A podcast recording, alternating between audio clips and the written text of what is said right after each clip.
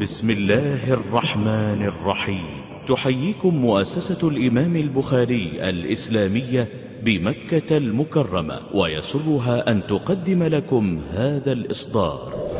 اليلنجون لقد كان لكم في رسول الله أسوة حسنة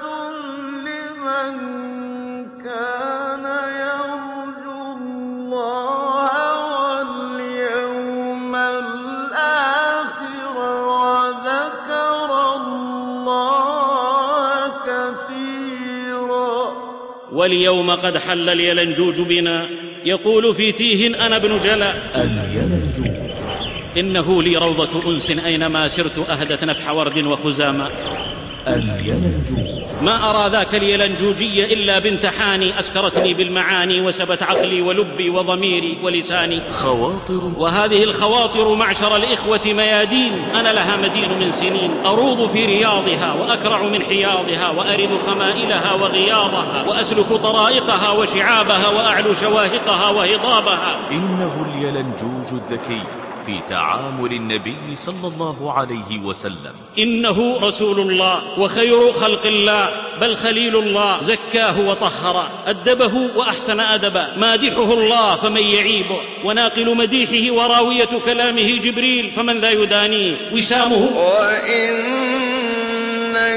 لعلى خلق عظيم. يباريه؟ فمن ذا يباريه؟ فرسولنا خير الناس تعاملا. وأمتنا في مجموعها قوة والاجتماع على التمسك بعرى الدين رأس القوة والدين يدعو لادخار القوة وأعدوا لهم ما استطعتم من قوة. وهذا إصدارنا نضعه بين أيديكم. اليلنجون اليلنجون عود الطيب الذي يتبخر به يلنجون ويلنجوجنا الليلة خمر لا فيها غول بل له الطول. أطيب نشرا من الصوار وأشهر من الشمس في رائعة النهار. ورسولنا متمم مكارم الأخلاق. وجل شعب الإيمان في الأخلاق. بل نصف مساحة العالم الإسلامي دخلت في الإسلام بالأخلاق. لقد كان يخاطب أصحابه ليؤصل فيهم شرف هذه الأخلاق. ومكانة من صدرت منه وإن كان مشركا. ففي إصدارنا هذا شذرات ودرر. من تعامل خير في البشر حسن تعامله مشاهد عجيبه ومدرسة للأجيال فريدة. تعامله مع شرع الله. كان صلى الله عليه وسلم أحكم الناس تعاملا. بشرع الله جندل كل عات على رغم وجدل كل عاث فكيف كان مع أهله؟ تعامل مع أزواجه أمهات المؤمنين بأخلاق خاتم النبيين. معلنا للعالمين. خيركم خيركم لأهله وأنا خيركم لأهلي. وما نصيب أبنائه وبناته؟ تعامل مع أبنائه وبناته معاملة فريدة يفرح كعادة البشر بقدومهم. وإذا سألت عن أصحابه ينزل أصحابه منزلتهم ويثني عليهم ويتسامح مع أهل الفضل والسابقة منهم. وما حاله مع الصبيان؟ يبادر الصبية بالسلام عليهم والمصافحة تربية لهم يهدي لهم ما يناسبهم ليدخل السرور عليهم. وإذا مررنا وكان بالأسرى صلى الله عليه وسلم يلاطف من يرجى إسلامه من الأسرى ويتألفه لعل الله يهديه ويهدي به قومه ويعز به دينه. وأما كرماء القوم يكرم كرام القوم ويحس بمشاعرهم وينزلهم منازلهم لتقبل على هديه قلوبهم. أصحاب المواهب كيف كان معهم؟ اعتنى بذوي المواهب وشجعهم ودعا لهم وشحذ هممهم وفجر طاقاتهم وإلى ما يرضي الله دفعهم ورفعهم فكانوا الورده طيابا ونفحا وكانوا المزن جودا وانسكابا. وأما القراء ويدفع القراء بالثناء عليهم وعلى قراءتهم فيقول لأبي موسى لقد أوتيت مزمارا من مزامير آل داود اليلنجون تلكم شذرات جياد من تعامل خير العباد. اليلنجون هذا فؤادي لديكم فتشوه فإن وجدتم غيرها فيه فلوموه اليلنجون وخلاصة القول معشر الإخوة لقد كان لكم في رسول الله أسوة. اليلنجون محاضرة لفضيلة الشيخ علي بن عبد الخالق القرني. علي بن عبد الخالق القرني. والآن مع المحاضرة. الحمد لله. الحمد لله ذي العزة والجلال شارع الحرام والحلال منشئ السحاب الثقال عالم الغيب والشهادة الكبير المتعال. له الحمد ما تليت الأنفال ورست الجبال وهبت الشمال وتعاقبت الأيام والليال. وأشهد أن لا إله إلا الله وحده لا شريك له شهادة تعصم من الضلال وترغم معاطس الضلال. ندخرها ليوم لا بيع فيه ولا خلال وأشهد أن محمدا عبده ورسوله اختصه الله بجليل الخصال وجميل الخلال. دعا أمم الارضين من بعد فترة تطاول في ليل الضلال رقودها. يقول لليل الكفر إذ طال ليله ألا أيها الليل الطويل ألا انجلي وما زال يدعو كل جأب فؤاده كجلمود صخر حطه السيل من علي إلى أن أجابت عن رجاء ورهبة ومن شرك الإشراك حلت قيودها فقيد إلى الإيمان طوعا منيبها وسيق له بالهندوان عنيدها. فأقمر ليلها بعد اسوداد وأيسر حالها في خير حال. ما ضل وما غوى وما ينطق عن الهوى إن هو إلا وحي يوحى. ساد الورى بلا امترى فهو المجلي والورى إلى ورى. صلى عليه ربنا وسلم وآله ومن لشرعه انتمى ما غردت في أيكها الحمام وأسبلت بمائها الغمام يا أيها الذين آمنوا اتقوا الله حق تقاته ولا تموتن إلا وأنتم مسلمون. أما بعد فيا عدة الإسلام وذخرة وكنزه وفخرا ظله الوارف وغمامه الواكف. شامة الجبين وطول اليمين. حياكم الرحمن خير تحية ارج العقيدة من شذاها يعبق وتكاد تنطق لو أطاع المنطق. فالسلام عليكم ورحمة الله وبركاته. ما تعاقبت على الأسماء حروف الإعراب وحركاته. تحية كأريج المسك موجبها الا تكونوا عن العليا ذوي صمم. يا شامة العلم والأخلاق والشيم. أدام الإله لكم عافية وصير دور العدا عافية. وهبكم منه الصلاح والهدى. نجاكم من الضلال والردى. وجعلكم منارات لأخلاق القرآن يرنو لها من كل حاجب نون إلى أن يفترق الفرقدان ويجتمع الضب والنون. واهلا ثم أهلا ثم سهلا بكم أهل المفصل والمثاني ولا شل الإله لكم يمينا ولا سر العدو بكم ثواني. معشر الإخوة مع بداية هذا اللقاء نحمد الله على كل حال ونضرع لذي العظمه والكمال يا منجيا نوح في الطوفان من غرق وملقم البحر فرعون وهامان. يا رب ذي النون يا كشاف كربته لتكشف الضر ولتصلح لنا شانا. يا من إذا أمره للشيء كن كان. أي إخواننا وأهلنا في جده قلوبنا معكم في كل شده ودعاؤنا وعزاؤنا مبذول موصول لكم. جبر الله كسركم وأمن روعكم. ولطف بكم وأغاث ملهوفكم وشفى مريضكم ومنح الشهادة بمنه غريقكم وأخلف عليكم بخير مما فقدتم وجعل ما أصابكم كفارة ورفعة لدرجاتكم وأراكم في من خان أمانته ما يشفي صدوركم وأسأل الله الا يؤاخذكم بما يفعله المفسدون في أرضكم أصلح الله من في صلاحه صلاح لدينكم ودنياكم وأهلك الله من في هلاكه صلاح لدينكم ودنياكم. أتم الله في الدنيا مناكم لكم وأحلكم دار المقامة. معشر الإخوة لم يعد يخفى على الشيخ والصبي والذكي والغبي أننا نعيش حقبة استطال فيها أعداء الإسلام على أمة الإسلام ليقضوا على أسباب قوتها بين الأنام وقفوا لها بكل مرصد وركبوا الصعب والذلول ليحولوا بينها وبين أن تصعد لتسعد. شنوا حملة شرسة وحربا ضروسا ضارية على الأخلاق ليمسخوها وعلى العقول ليزيغوها وعلى الضمائر ليخدروها وعلى اللغة لسان الإسلام ليطمسوها. سحروا برطاناتهم ألباب بعض مفتونين ليتخذوهم أدوات تلهج بذكرهم وتحسن سوآتهم. وما فتئوا يسعون في تدليلهم كما يدلل وحيد أبويه ليعبروا عليهم إلى أهدافهم. وحشدوا أبواق الإعلام تشويها وطعنا وسخرية بمقدسات وأعلام الإسلام من سيد ولد آدم نبينا محمد عليه الصلاة والسلام إلى أمهات المؤمنين وصحابته وآل بيته وأتباعه الكرام.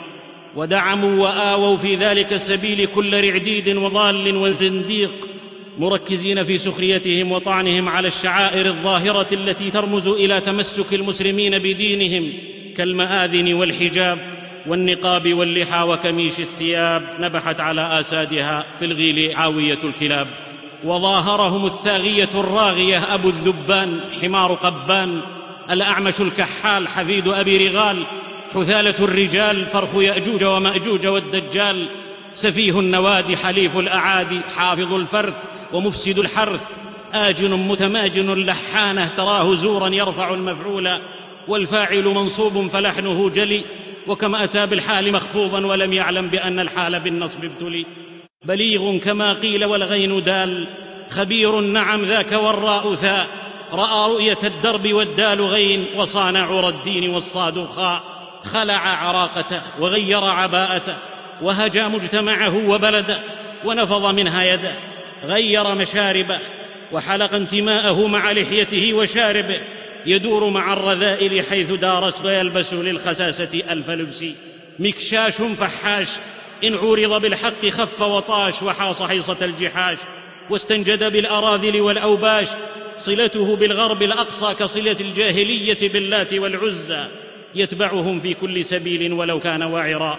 ويؤيدهم في كل شان ولو كان قذرا.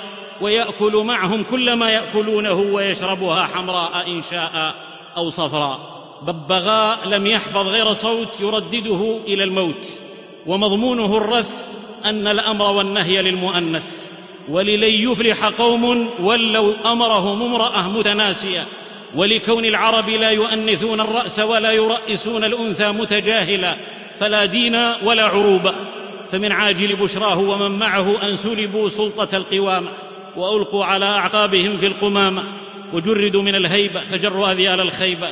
نازعتهم النسوة الحقوق وأبدين العقوق وبطشن بهم بطش الحجاج ونادين بتعدد الأزواج وصيرنا الشقي كياء يرمي ولام الأمر داخلة عليه يسعى إلى ذل وتلك سجية في العبد لا يرتاح إن لم يضرب فأصبح الضمير المؤنث المستتر أشد من الساحر الأشر واستنسر البغاث في منتدى الإناث ونطق المسترجلات والتافهون في الملمات والمسلمات وتحت هذا العجاج والقتام تبلعم اللئام فتقلبوا وتذبذبوا كأبي براقش كل يوم لونه يتحول.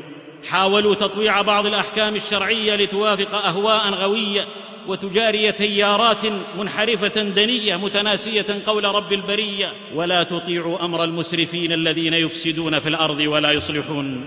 فنضحوا بإثارة الشبهات ولبس الحق بالباطل وتهوين الانحرافات. وتسفيه العلماء وتقديم الرويبضات منادين بإسقاط الواجبات وحماية الكفار والمنافقين من الغلظة وتعطيل الحسبة ولوغا في مستنقع التبعية وقدحا في ثوابت الأمة الأبية بحروف تجعل الإثم فضيلة والتقى عارا ونقصا ورذيلة. فصار من لا يساوي نصف خردلة مفتين ما ربحوا دنيا ولا دينا وأقوى شروط الاجتهاد لديهم وقاحة وجه حده يفق الصخر بلا مثل ولا خلق رضي كعميان تسير بلا عصي وتمشي مشية الثمل الغوي. وفي خضم الغبار المثار قال اليائس والبائس وقعت الواقعة. وفرح المبطل والشامت وفرك كفيه وصفق قائلا رافعه لنا ولهم خافضة. رقص الجحش فغنت أنكر اللحن الحماره فقال قائلنا بل كرة خاسرة. خسئتم فجمع الحق ما زال في الحمى ولستم باهل يا ثعاله للكمى وعرين الأسد محمي الشرى وغثاء السيل يمضي في هبائي ما جئتم به السحر إن الله سيبطله إن الله لا يصلح عمل المفسدين. والعاقبة للمتقين وكل ما يجري من فتن ومحن إنما هي حوافز لبعث جديد حثيث ونار تمحيص تنقي الامه من كل خوار ضعيف وجبناء مخانيث ليميز الله الخبيث. يئوس من عمى عن مثل هذا وأيأس منه من عنه تعامى ديننا حق لا يغلب ولا يندثر بل ينتقل من صدر لصدر ولا يدخل مع الميت القبر. فهو الدين الوحيد في التاريخ كله الذي استعصى على محاولات التبديل والتغيير وهو أقوى ما يكون حين يكون أتباعه أضعف ما يكونون. من يرم هد ركنه فليصادم كبكبا هل يزيله أو عسيبا؟ وإنا له لحافظون وعد من الله الجليل تحقق. فجر تدفق من سيحبس نوره أرني يدا سدت علينا المشرقا. وأمتنا خير أمة وسط شاهدة منصورة وبأخلاق القرآن آسرة مرحومة. ما ذوت يوما ففي تربتها عنصر الخصب وعنوان العطاء. ما يزال الله يغرس غرسا يدعون ويناجون ويثوبون وينادون إلى أخلاق القرآن في سيرة وشمائل من خلقه القرآن عليه الصلاة والسلام. فإن عدنا لها والله عادت لنا الرايات وانداح الأذان. وهذه الخواطر معشر الإخوة ميادين أنا لها مدين من سنين. أروض في رياضها وأكرع من حياضها وأرد خمائلها وغياضها. وأسلك طرائقها وشعابها وأعلو شواهقها وهضابها بعرى خمائل روضها متعلق متمسك وبطيب ريا ذكرها متعطر متمسك. هذا فؤادي لديكم فتشوه فإن وجدتم غيرها فيه فلوموه. فمن نفح إلى عرف وإيماض وإكليل مع رضاب سائغ طعمه لي كل وقت منه كأس دهاق تلاه زرياب شرى برقه في إثره الجادي ذو الائتلاق. واليوم قد حل اليلنجوج بنا. يقول في تيه أنا ابن جلا عمامتي ألقي فإن تجهلون. فما لكم في نفح طيبي خلاق؟ فقلت معروف فجد بالعناق فنحن في توق لكم واشتياق. إن الذي يطلب مثلا لكم طالب شيء ما له من لحاق. اليلنجوج ما اليلنجوج عود الطيب الذي يتبخر به يلنجوج ويلنجوجي والنجوج يقول الكلابي. يكاد بإثقاب اليلنجوج جمرها يضيء إذا ما سترها لم يجلل. ويقول الخوارزمي ألا أيها الركب الحجازي عرجوا على ضوء نار بالعقيق تؤجج؟ لقد رفعوها بالغضا غير أنها بعرف اليلنجوج الرطيب تأرج. ويقول الشماخ يثقب نارها والليل داج بعيدان اليلنجوج الذكي. ويلنجوجنا الليلة خمر لا فيها غول بل له الطول أطيب نشرا من الصوار. وأشهر من الشمس في رائعة النهار وألذ من الماء على الظمأ وألطف من قطر السماء. سحر حلال مجتنى ولم أر قبله سحرا حلالا. جبت إليه نفنفا فنفنفا قفا فقفا صفصفا فصفصفا. يلنجوج يقول أخلاقنا كالشمس في كبد السماء ما ضرنا ألا يراها أرمد. ديننا دين الأخلاق ورسولنا متمم مكارم الأخلاق وجل شعب الإيمان في الأخلاق. ونصف مساحة العالم الإسلامي دخلت في الإسلام بالأخلاق. درس يعيه على الطريق السائر تصفو عليه سرائر وضمائر. فبغير دين لا تقوم حضارة وبغير أخلاق حمانا شاغر. يلنجوج يقول خذوا من كلام الإله الدواء فآياته لم تزل شافية. ومن هدي خير الورى حلية تعيش بها عيشة راضية.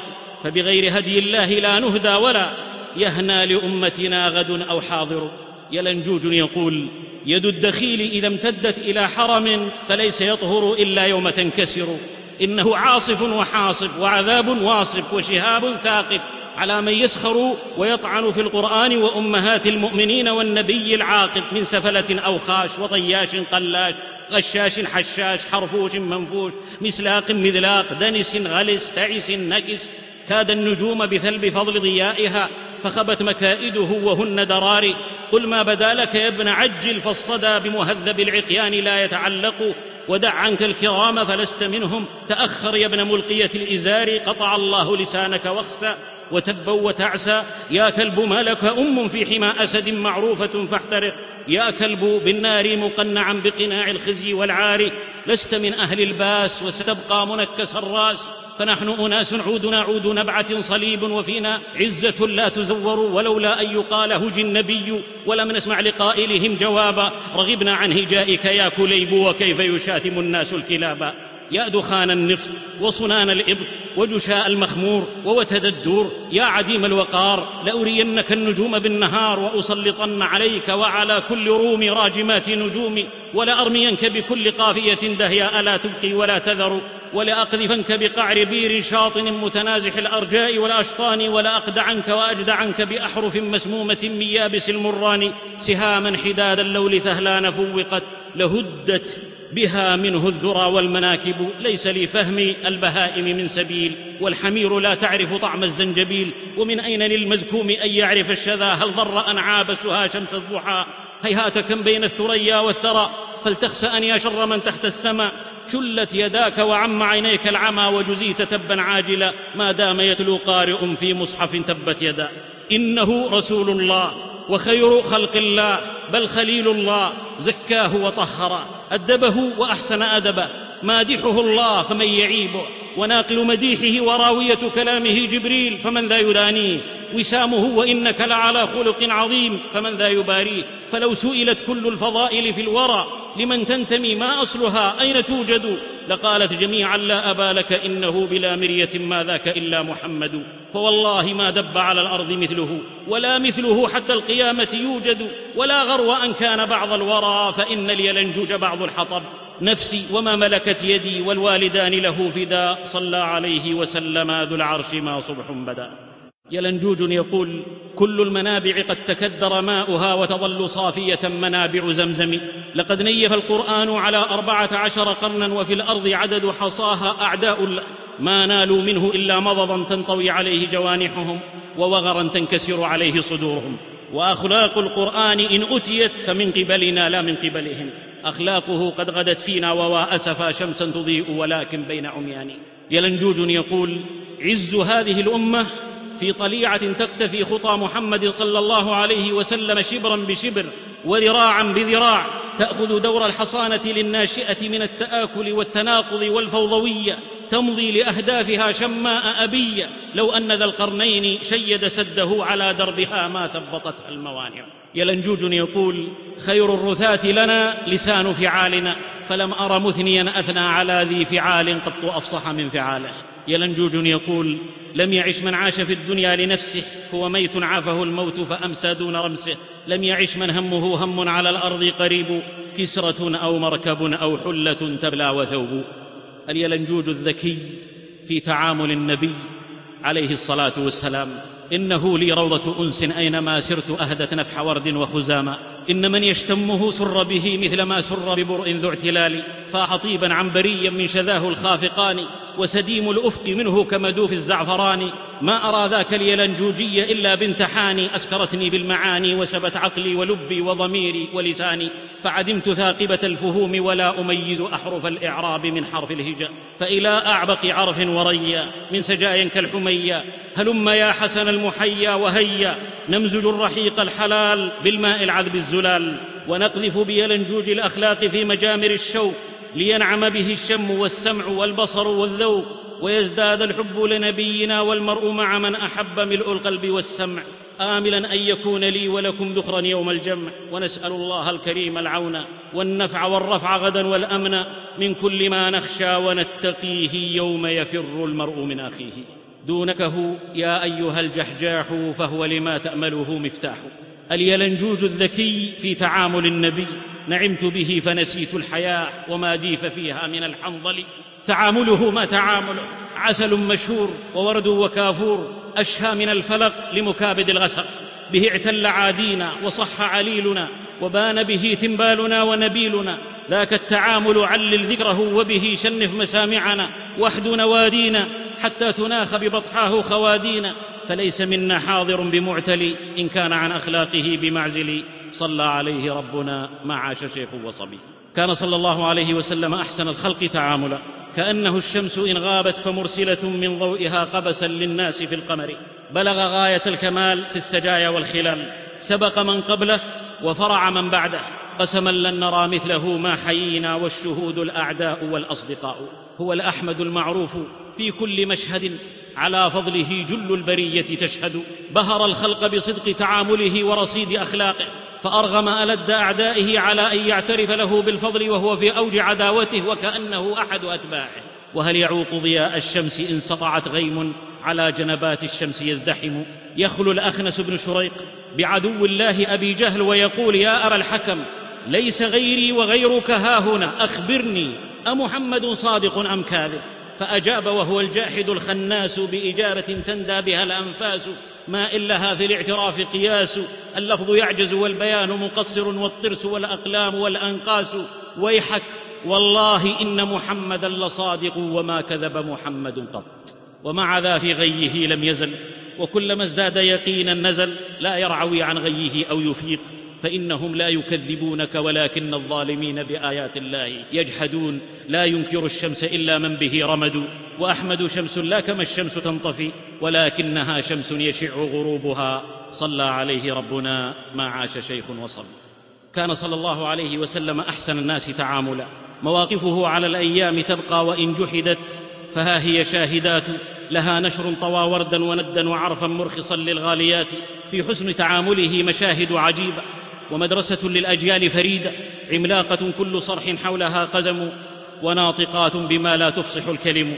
أهل مكة ناصبوه العداء واتهموه بالسحر والكهانة وكل داء ونوعوا عليه صنوف الإيذاء. اضطهدوا أتباعه واضطروهم إلى الهجرة مرتين للحبشة أرض الغرباء ودفعوه للبحث عن مكان لدعوته عند ثقيف فلقي التعنيف. ورجع مدم العقبين لمكة في جوار رجل شهم شريف ثم هاجر إلى المدينة فتكشف ما الثغر معه يفتر والفكر يفر واليراع يصفر وهو أن هؤلاء الأعداء الألداء لم يجدوا مكانا يأمنون فيه على ودائعهم إلا عند ألد أعدائهم محمد صلى الله عليه وسلم. فوالله ما ساماه في الأرض كائن من الناس موجود ولا من سيوجد ومن لم يثر ذاك التعامل روعه فذلك مما أنتجته البهائم. إنه تعامل الأمين. من نزل عليه إن الله يأمركم أن تؤدوا الأمانات إلى أهلها مع الأمين. فحل مكانا لم يكن حل من قبل وسيق إليه الاسم والفعل والحرف وأصبح نور الحق يعلو بهديه وآفل بعد العز حزب الخلابس وقاد زمام العالمين إلى الهدى من الغي حتى صرن أنف المعاطس. لقد كان لكم في رسول الله أسوة. صلى عليه ربنا ما عاش شيخ وصبي. كان صلى الله عليه وسلم أحسن الخلق تعاملا. ألف التعامل قد تهدم ركنه فأقام ساقط ركنه بدعائم فكان فعله مثالا يحتذى بنهجه فحبذا الفاعل ذا. يظهر الرحمة بالمخطئ حين تظهر توبته ويشتد ندمه ثم يعينه على تصحيح خطائه. لأنه خير خلق الله من رحمت بهديه الأرض والسبع السماوات. روى الإمام أحمد في مسنده وحسنه الحافظ ابن حجر في الفتح أن سلمة بن صخر الأنصاري رضي الله عنه ظاهر من امرأته رمضان كله فرقا من أن يصيب منها في ليلته شيئا فيدركه النهار وهو على حالته. فر من القطر فوقع تحت الميزاب وأتى أهله وأصبح فزعا قلقا تائبا مقبلا على الله لا معاندا ولا مستخفا غدا على قومه فأخبرهم خبره وقال انطلقوا معي إلى النبي صلى الله عليه وسلم لأخبره بأمري. تلجلج بي لسان لم يخني ولم يك قط يعيه الاداء فقالوا لا والله لا نفعل. إنا نتخوف أن ينزل فينا قرآن أو يقول فينا رسول الله صلى الله عليه وسلم كلمة يبقى علينا عارها. ولكن اذهب أنت فاصنع ما بدا لك. وعروا عليه طريقه وغصوه بريقه. كأنه من بعدها ضائع في مهمه ليس به صاحبه. فيمم وجهه إلى رسول الله صلى الله عليه وسلم وحاله. ما في الكواكب من شمس الضحى عوض. قال فأتيت النبي صلى الله عليه وسلم فأخبرته خبري. فقال لي أنت بذاك؟ يعني أنت الملم بذاك والمرتكب له. قلت أنا بذاك. قال أنت بذاك. قلت أنا بذاك. قال أنت بذاك. قلت نعم ها أنا ذا. فأمضي في حكم الله فإني صابر له يا رسول الله. حاله أنا من أسلم لله قياده أنا من يطوي على الصدق فؤاده فقال صلى الله عليه وسلم أعتق رقبه. قال فضربت صفحة رقبتي وقلت لا والذي بعثك بالحق ما أصبحت أملك غيرها. قال فصم شهرين.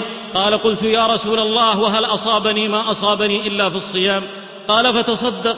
قلت والذي بعثك بالحق لقد بتنا ليلتنا هذه وحشا ما لنا عشاء ففي رحمة وشفقة وإعانة له قال صلى الله عليه وسلم فاذهب إلى صاحب صدقة قومك فقل له ليدفعها إليك فأطعم عنك منها واسقى ثم استعن بسائره عليك وعلى عيالك. هبطت على سمعه كالغيث الوكاف على تيجان الأحقاف توشحت الصحراء واخضر رملها واخصبت الجدباء بعد الشدائد. جاس الحمام على الأراك وغردا وعلت أهازيج الطيور. من الربا شحرورها كروانها والهدهدا والوجه أشرق لا تسل عما بدا. عاد على ذاك الحدى ودعا لعقد المنتدى وأذاعها للرائحين ومن غدا يا قوم. وجدت عندكم الضيق وسوء الرأي ووجدت عند رسول الله السعة والبركة وقد أمر لي بصدقتكم فادفعوها لي. فلم يسعهم إلا الامتثال فدفعوها له. فمضى وحاله بأبي أنت وأمي يا رسول الله فيك المديح يطيب إلا أنه يدنو إليك فتستحي أزجاله. إن لم يكن بفمي وشعري فهو في قلبي هوى متدفق شلاله ولا غرابة. فالروض إن روى الغمام بقاعه. أثنى عليه تنفس الريحان. لقد كان لكم في رسول الله أسوة. صلى عليه ربنا ما عاش شيخ وصبي. كان صلى الله عليه وسلم أحسن الناس تعاملا. فلو صاغ قس حلى نعته لقصر فيها وإن أطنبا ولو شرق الأرض أو غربا.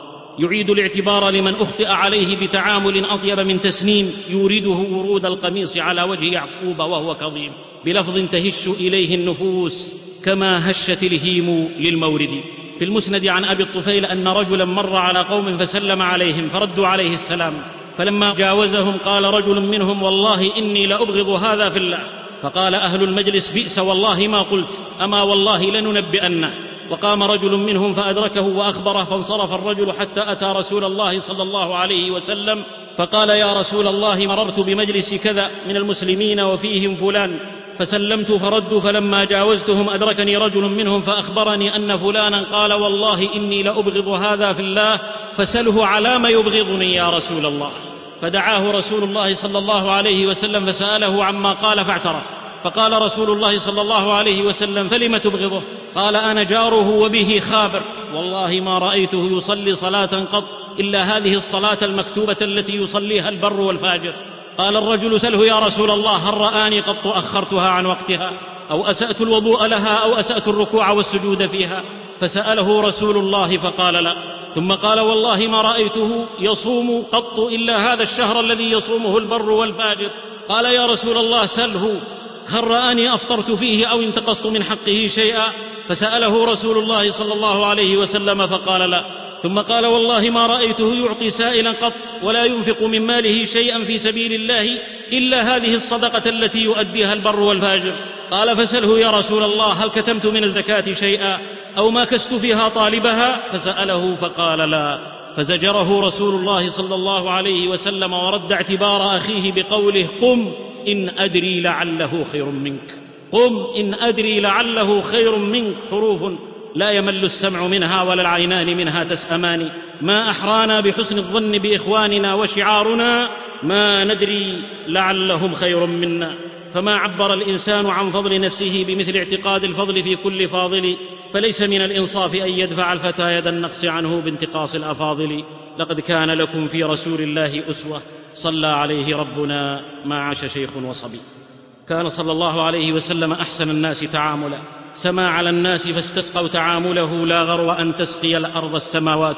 ينكر على المخطئ الصغير بما يتناسب مع سنه وباللفظ الذي يفهمه فلا يعود لخطئه حتى تدغم الطاء في الهاء وذا تأبيد بلا انتهاء. فالقلب تشفى عنده أوصابه ويكون كالعسل المصفى صابه. لما أخذ الحسن تمرة من تمر الصدقة قال كخ كخ أما تعرف أن لا نأكل الصدقة؟ فكانت قاعدة ورع استقبل بها حياته والولد الذي يحاكي والده الخبر الجزء المتم الفائدة. يؤدب الصغير تاديبا ينطبع في ذاكرته ويكون ذخيرة لمستقبله. فهو كعبة آداب لا تزال ألباب الصبية بها طائفة وعيونهم مطيفة. ولو أنفق فيها المربون مثل أحد ذهبا ما بلغوا مدها ولا نصيبا. هذه زينب بنت أبي سلمة ربيبة رسول الله صلى الله عليه وسلم يردد عليها يا زوينب يا زوينب. يلاطفها بها وعلى صالح الأخلاق رباها وأدبها أدبا ألذ من ابتداء العين في إغفائها. تقول كما روى الطبراني دخلت على رسول الله صلى الله عليه وسلم وهو يغتسل في مغتسله فأخذ حفنة من ماء فضرب بها وجهي وقال وراءك اي لك هكذا علمها أدب الاستئذان وعدم الاطلاع على العورات فأصاخت له بالأذن الواعية ونقلته وعملت به بنفس راضية وبذا تسامق خلقها وبذا أغار وأنجد. وذا أخوها عمر رضي الله عنه قد نال نصيبا من تأديب المصطفى له فصار حديثا لا يكاد يصدق وأخلاقه بالطيب تسريف تعبق. يقول كما في الصحيح والسنن كنت غلاما في حجر رسول الله صلى الله عليه وسلم وكانت يدي تطيش في الصحفة فقال صلى الله عليه وسلم يا غلام سم الله وكل بيمينك وكل مما يليك. توجيهات قصيرة تضبط بسهولة وقعت على قلبه موقع المطر بلا رعد ولا خطر ولا برق يذهب بالبصر. فقال متحدثا بالأثر فما زالت تلك طعمتي بعد وحاله بأيدينا المنابع والأصول وما نحن الأولى راغوا ولسنا نميل مع الرياح إذا تميل. وكم بوجيز اللفظ فجر منهلا يطيب به للظامئين ورود. زرع الثقة في نفوس الناشئة بالبعد عن لومهم بشهادة أحدهم وهو أنس رضي الله عنه وعنهم.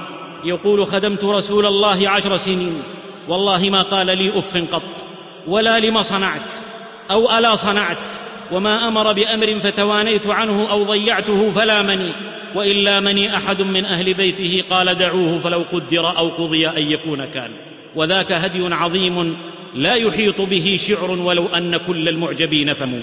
إنها إشارة إلى ضرورة الحد من التوبيخ عند أتفه الأشياء والتقليل من الرقابة الصارمة على الصبية. فليسوا آلة نديرها كيفما نشاء.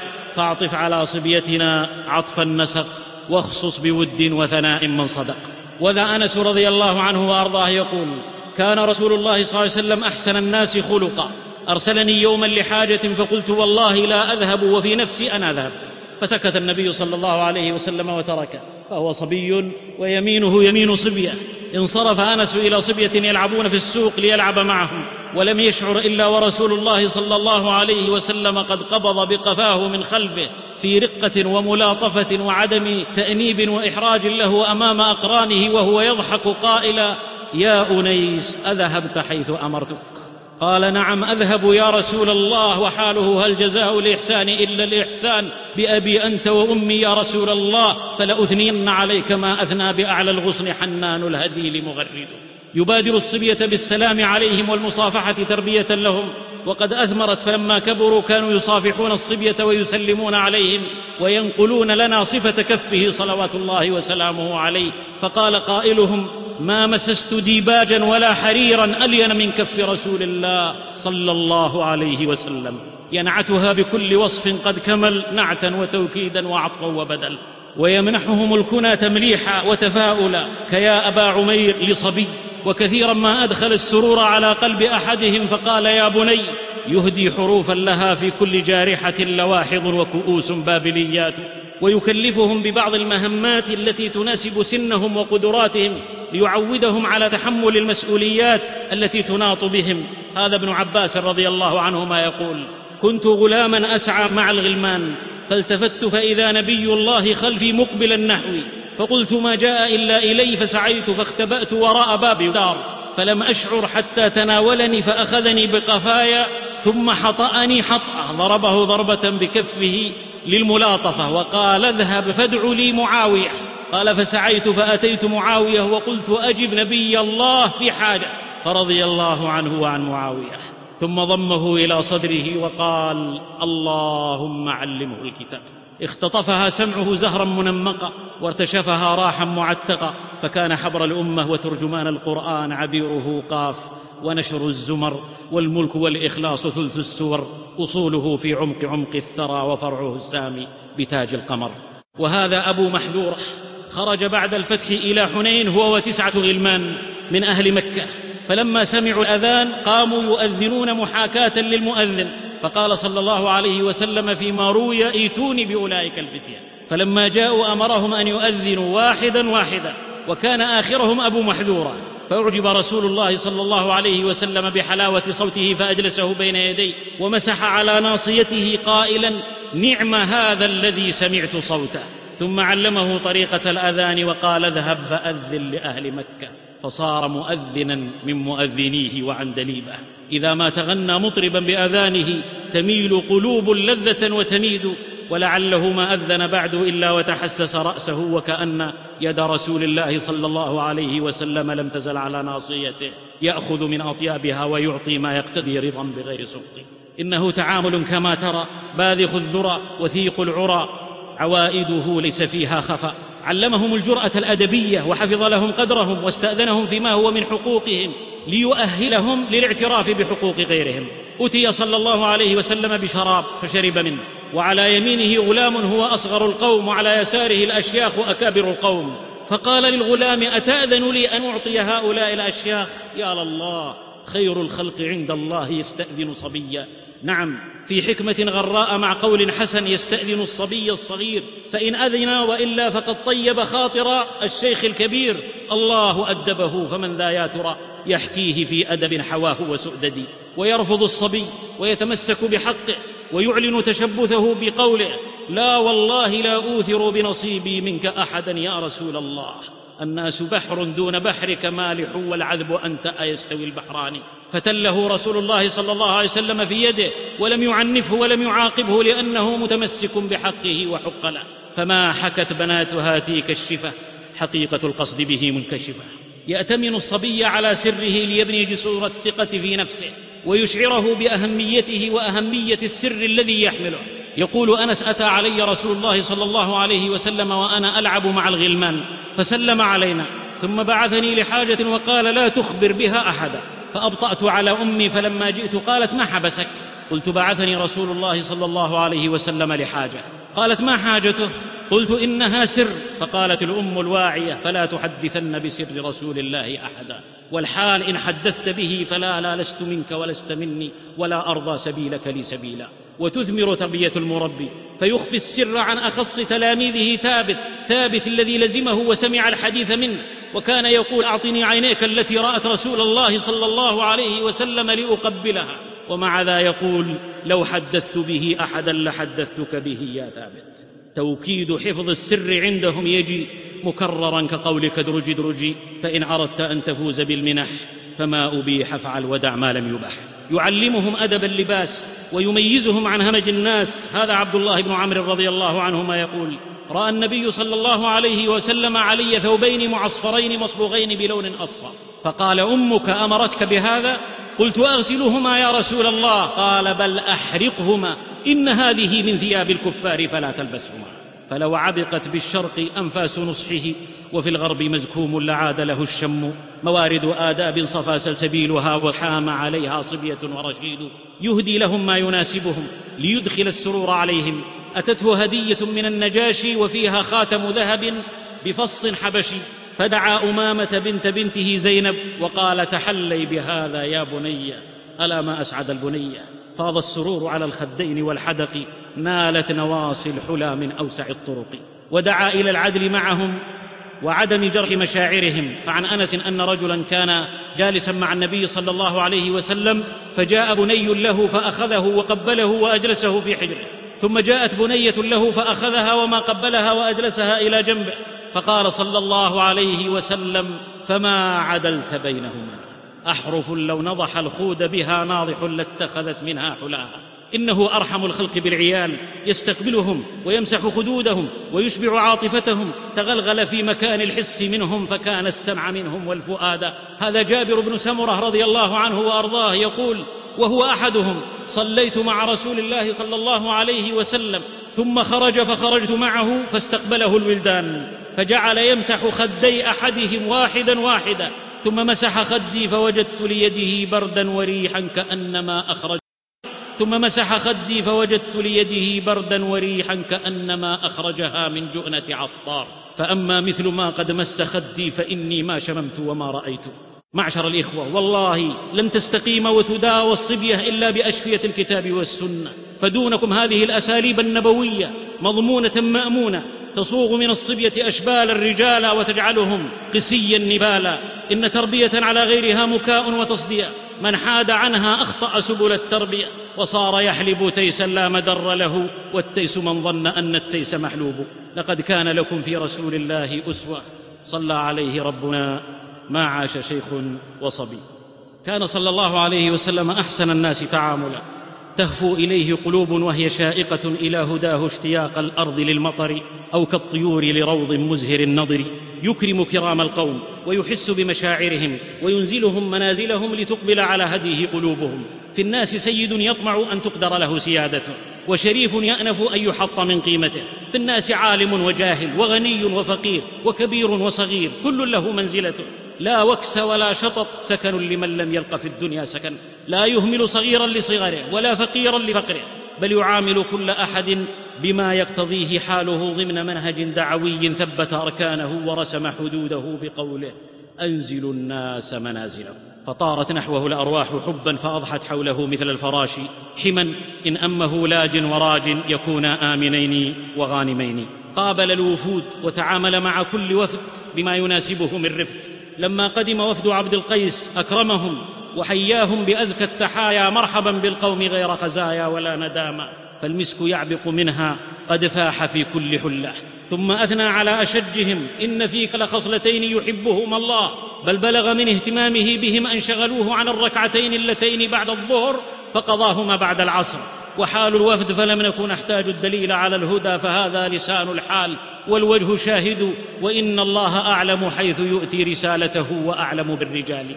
وحين دخل صلى الله عليه وسلم مكة فاتحا جاءه أبو سفيان وهو سيد قومه ومثله يحب الفخر وأهل له فثبت رسول الله إسلامه وأشبع مشاعره بقوله ومن دخل دار أبي سفيان فهو آمن. فتضوعت في كل نادي وبها ترنم كل شادي متى قرعت سمع بن حرب تشوقه وتغريه بالدين الذي كان يهجر. وهذا جرير بن عبد الله البجلي رضي الله عنه سيد بجيلة نعم الفتى ونعمة القبيلة. يقول لما دنوت من المدينة انخت راحلتي وحللت عيبتي ولبست حلتي ثم دخلت المسجد ورسول الله صلى الله عليه وسلم يخطب فرماني الناس بالحدق. فقلت لجليسي يا عبد الله هل ذكرني رسول الله صلى الله عليه وسلم؟ قال نعم ذكرك باحسن الذكر. بيناه ويخطب إذ قال إنه سيدخل عليكم من هذا الفج رجل من خير ذي يمن. ألا إن على وجهه مسحة ملك. وكان رضي الله عنه جميلا حتى قال عمر عنه جرير يوسف هذه الأمة. حمد الله جرير. وبها نطقت العيون وتبلجت الأسارير وللعيون أحاديث بلا كلم. وكم لها في الهوى شرح وتبيان. ويدخل جرير بعدها على النبي صلى الله عليه وسلم في بيته. وعنده جمع من الصحابة. فظن الناس بمجالسهم ولم يفسح له أحد. ولم يجد مكانا فعلى الباب قعد فنزع رسول الله صلى الله عليه وسلم رداءه ثم ألقاه عليه ليجلس إليه فأخذه جرير وألقاه على وجهه وجعل يقبله ويبكي ويقول ما كنت لأجلس على ثوبك أكرمك الله كما أكرمتني يا رسول الله. والعين ما برحت من فيض عبرتها إنسانها يختفي طورا وينكشف. نظر رسول الله صلى الله عليه وسلم يمينا وشمالا ثم قال فيما روي قولا ألذ من لذيذ الكرى بعد مشقة السهر في السفر وأحلى في السمع من هديل القمريه أثناء السحر إذا أتاكم كريم قوم فاكرموه وهل فاز بالمسك إلا فتى تيمم دارين أو داره يقول جرير رضي الله عنه ما حجبني رسول الله صلى الله عليه وسلم مذ اسلمت ولا رآني إلا تبسم في وجهي فذا قلبي يسلمه زمامة لا طاب للمسك شذا نفحة إن كان أذكى من ثنائي عليه. وكان صلى الله عليه وسلم يلاطف من يرجى إسلامه من الأسرى ويتألفه لعل الله يهديه ويهدي به قومه ويعز به دينه. بتعامل فاق القلائد إذ غدت يوما على جيد المليحة تستوي. يطلق ثمامة سيد اليمامة مع قدرته على قتله يوم وقع في أسره. فأسلم وحسن إسلامه وقدم مكة وأدى عمرته وجهر بتوحيده ثم أعلن وقوفه في وجوه الكفار المعاندين بقوله ولا والله لا يأتيكم من اليمامة حبة حنط حتى يأذن فيها رسول الله صلى الله عليه وسلم فلست بهياب لمن لا يهابني ولست أرى للمرء ما لا يرى لي ومن يدن مني تدن منه مودتي ومن ينأ عني يلفني عنه نائيا. وليس القصد معشر الإخوة من إكرام هؤلاء تمييزا بين الناس ولا تفريقا حاشا فالناس سواسية والأكرم الأتقى. إنه إكرام لهدف نبيل وتقدير لمصلحة ظاهرة ترتجى للإسلام وأهله. مداراه لا مداهنة وتألف لا رضا بما هم فيه فذاك طيب هديه. يفوق نشر الورد تغنى به عن هندي وعن مغاني دعدي لقد كان يذكر مواقف ذوي المروءة ويكافئ عليها بالتي هي أحسن. وإن كانوا على شركهم في حكمة لو وعاها ذو الضلال هدي. في ختام معركة بدر وقد نصر الله المسلمين وأسروا من عدوهم سبعين. وحينما كان المؤمنون يتطلعون لإجراء أقصى العقوبة بمن آذوهم أيما أذى يوم كانوا مستضعفين إذ أعلن أن هؤلاء الأسرى كانوا سينالون حريتهم. لو كلمه رجل مشرك كان يتعامل معه بكريم الأخلاق قائلا. لو كان المطعم حيا ثم كلمني في هؤلاء النتنى لتركتهم له تحلو لدى كل ذي سمع وذي صمم. لقد عاش المطعم مشركا ومات مشركا لكنه صاحب نجدة ومروءة. لما عاد النبي صلى الله عليه وسلم من الطائف دخل مكة في جواره. ولما هاجر النبي صلى الله عليه وسلم قال لقومه إنكم فعلتم بمحمد ما فعلتم. فكونوا أكف الناس عنه فحفظها له رسول الله صلى الله عليه وسلم كريم لا يدانيه كريم يصيد بحسن منطقه قلوبا تحاذر كالجآذر أن تصاد. معشر الإخوة هل كان رسول الله صلى الله عليه وسلم يتحدث عن المطعم مخاطبا قرابته وأهل ملته؟ كلا لقد كان يخاطب أصحابه ليؤصل فيهم شرف هذه الأخلاق ومكانة من صدرت منه وإن كان مشركا. على هديه فابن بيت الهدى وهو توجيه من باب أولى إلى لزوم الإنصاف مع إخواننا وأهل ملتنا. فإن سمعت من مسيء خبرا فالأصل في الأخبار أن تؤخر وشاع في ذا الباب إسقاط الخبر. وقد استوعب الدرس أصحاب رسول الله صلى الله عليه وسلم قبل الحدث وبعده. فهذا حسان رضي الله عنه يذكر مآثر المطعم ويثني على خلقه بقوله فلو سئلت عنه معد بأسرها وقحطان أو باقي بقية جرهما لقالوا هو الموفي بخفرة جاره وذمته يوما. إذا ما تذمما فما تطلع الشمس المنيرة فوقهم على مثله منهم أعز واكرما ونحن بالدرس أولى فلن يصلحنا إلا ما أصلح أولنا. كذاك تبلغ الذرى الفروع بانتمائها لأكرم الأصول ومن درى الأخبار والشمائل لم يك عن صوب الهدى بمائل. لقد كان لكم في رسول الله أسوة صلى عليه ربنا ما عاش شيخ وصبي. كان صلى الله عليه وسلم أحكم الناس تعاملا بشرع الله جندل كل عات على رغم وجدل كل عاث من لم يردعه القرآن فطبه في السيف والسنان. لما نقض يهود بني قريظة العهد حكم فيهم بحكم الله الذي حكم به سعد. فسبي النساء والذرار وغنمت الأموال وخدت الخنادق وضربت أعناق الرجال ولا عجب أن قدت البيض هامهم. فتلك حروف اللين لاقت جوازما من لم يرتدع بالزواجر فلا يلومن إلا نفسه ولا يقلعن إلا ضرسه ولا يخمشن إلا وجهه ولا يشقن إلا ثوبه. وإن غضب قلنا له غضبك غضب الخيل على اللجم فإن كنت غضبانا فلا زلت راغما وإن كنت لم تغضب إلى اليوم فاغضبي. لما عدا يهودي على جارية وأخذ ذهبها ورضخ بالحجارة رأسها رضخ النبي صلى الله عليه وسلم رأس اليهودي بين حجرين كما فعل بها. ولما أسلم العرنيون ألحقهم بإبل الصدقة فشربوا من ألبانها وتداووا باموالها ثم ارتدوا وقتلوا الراعي واستاقوا الإبل ولما أتي بهم قطع أيديهم وأرجلهم وسمل أعينهم وتركهم حتى ماتوا. فمن لم يقومه الكتاب أقامه حدود الظبا والسمهري المثقف. إنها معشر الإخوة رسالة. إلى أولئك المفتونين الذين إذا تحدثوا عن الإسلام اختزلوه في صورة العفو والسماحه فلا يتعرضون للعقوبات إلا على استحياء وانهزامية. لانبهارهم بمواد حقوق الإنسان الوضعية الوضيعة. يحاكمون الشريعة إليها فما وافقها فرحوا وقالوا سبق الإسلام إليها. وما خالفها أخفوه أو تأولوه أو بحثوا له عن قول مهجور لا دليل عليه ليوافق قوانينهم. وما علم المفتونون أنا لسنا ملزمين بإقناعهم. إن آمنوا فلهم وإن كفروا فعليهم إن عليك إلا البلاغ. لكننا ملزمون بتعظيم شرع ربنا وعدم الحرج من أحكامه. ولو خالف من بأقطارها فلا وربك لا يؤمنون. حتى يحكموك فيما شجر بينهم ثم لا يجدوا في أنفسهم حرجا مما قضيت ويسلموا تسليما. فليعلم كل مزور لشريعة الله قول الله ولن ترضى عنك اليهود ولا النصارى حتى تتبع ملتهم. فأولى له سلامة دينه من مراعاة عدوه ولئن تمادى إن يعش فليقرعن ولا يقرعن ان مات سن النادم لقد كان لكم في رسول الله أسوة. صلى عليه ربنا معاش شيخ وصبي. كان صلى الله عليه وسلم أحسن الخلق تعاملا. سعى لأخلاقه المثلى ويممها جهابذ الخلق من قاص ومن داني ينزل أصحابه منزلتهم ويثني عليهم ويتسامح مع أهل الفضل والسابقة منهم. بتعامل بين الورى لم يجحد يسقى بري ريقه العطش الصدي.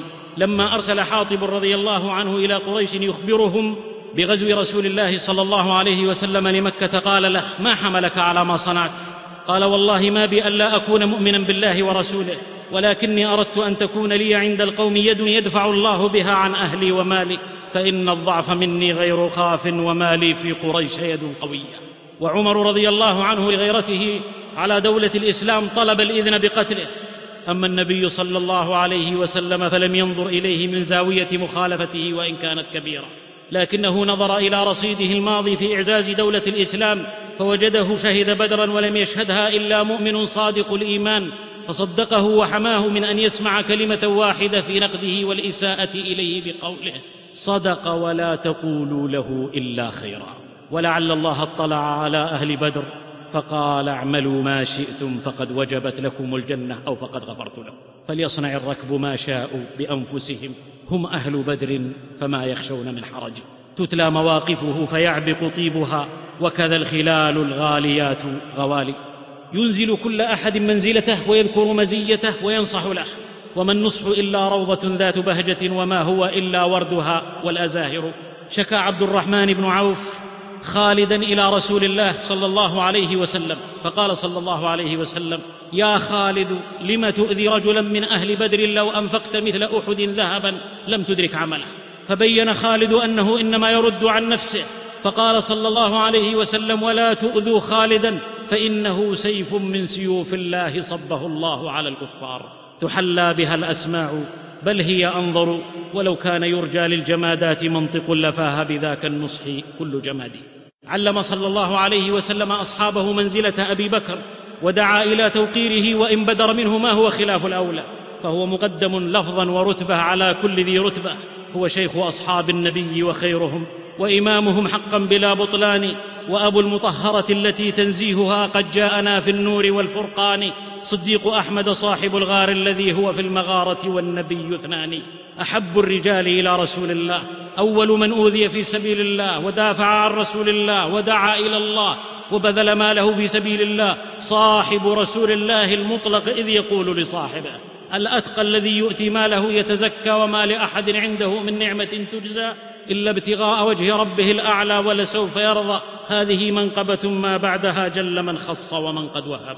وقعت بينه وبين عمر محاورة ومراجعة وهما من هما رضي الله عنهما وعمن ترضى عنهما.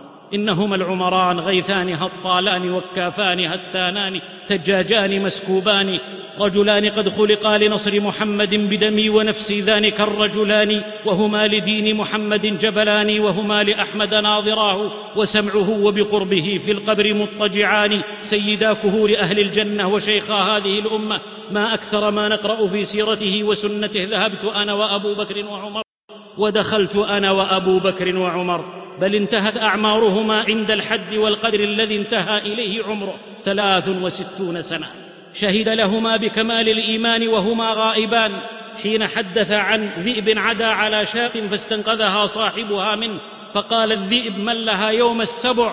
يوم لا راعي لها غيري. فقال الناس سبحان الله ذئب يتكلم فقال صلى الله عليه وسلم فإني أؤمن بذلك أنا وأبو بكر وعمر وما هما ثم.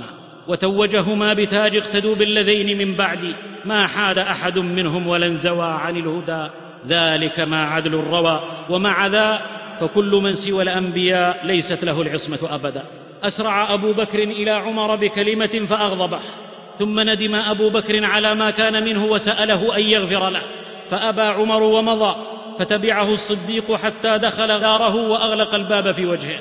ولما عجز عن استرضائه ذهب فزعا إلى رسول الله صلى الله عليه وسلم آخذا بطرف ثوبه حتى أبدى ركبته.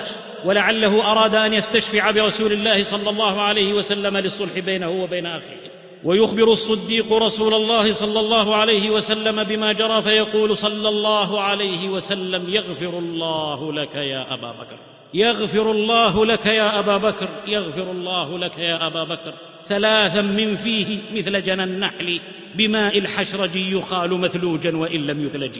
ندم عمر حين سكن غضبه فذهب يبحث عن أخيه في منزله فلم يجده فأقبل على رسول الله صلى الله عليه وسلم فإذا هو في مجلسه ولما رآه تمعر وتلون وأحمر وجهه وبان غضبه فأشفق أبو بكر على أخيه وخشي أن يكون من رسول الله إليه ما يكره فجثى على ركبتيه وقال يا رسول الله والله أنا كنت له أظلم مرتين. ورسول الله يقول كما أورد الحافظ في الفتح من حديث ابن عمر يسألك أخوك أن تستغفر له فلا تفعل؟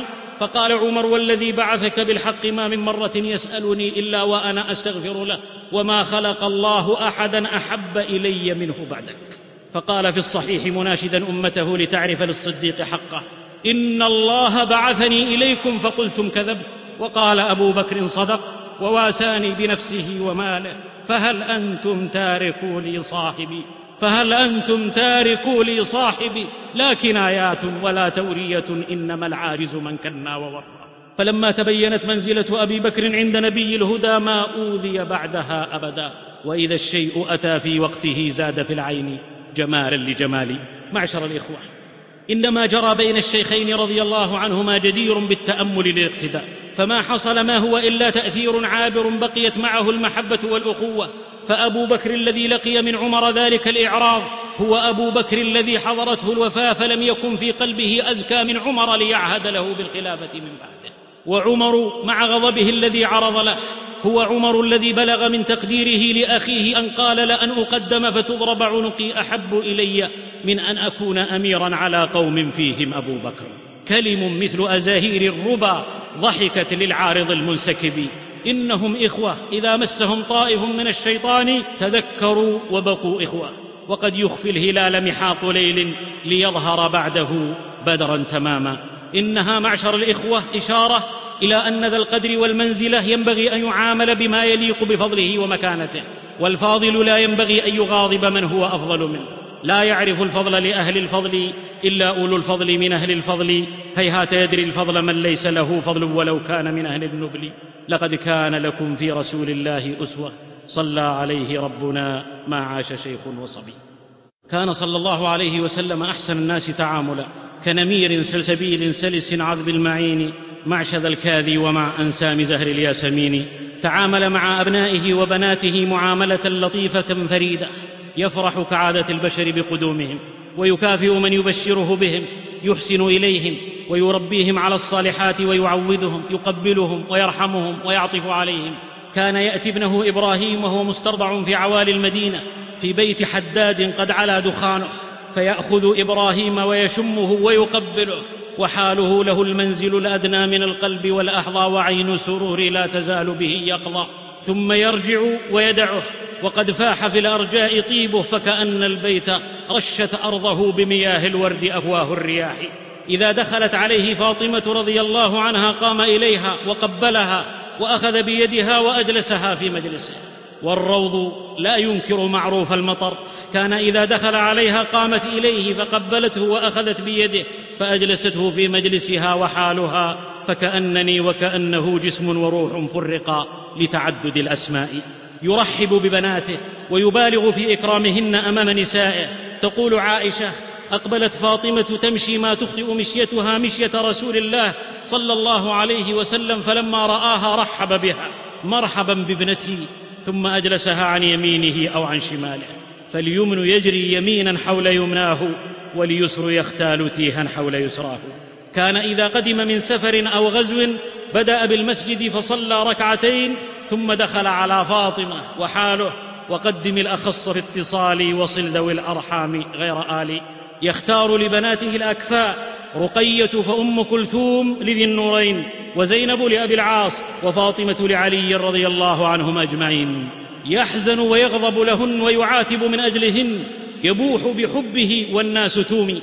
لما أراد علي أن يتزوج بنت أبي جهل غضب لفاطمة. وجهر بمعاتبة علي.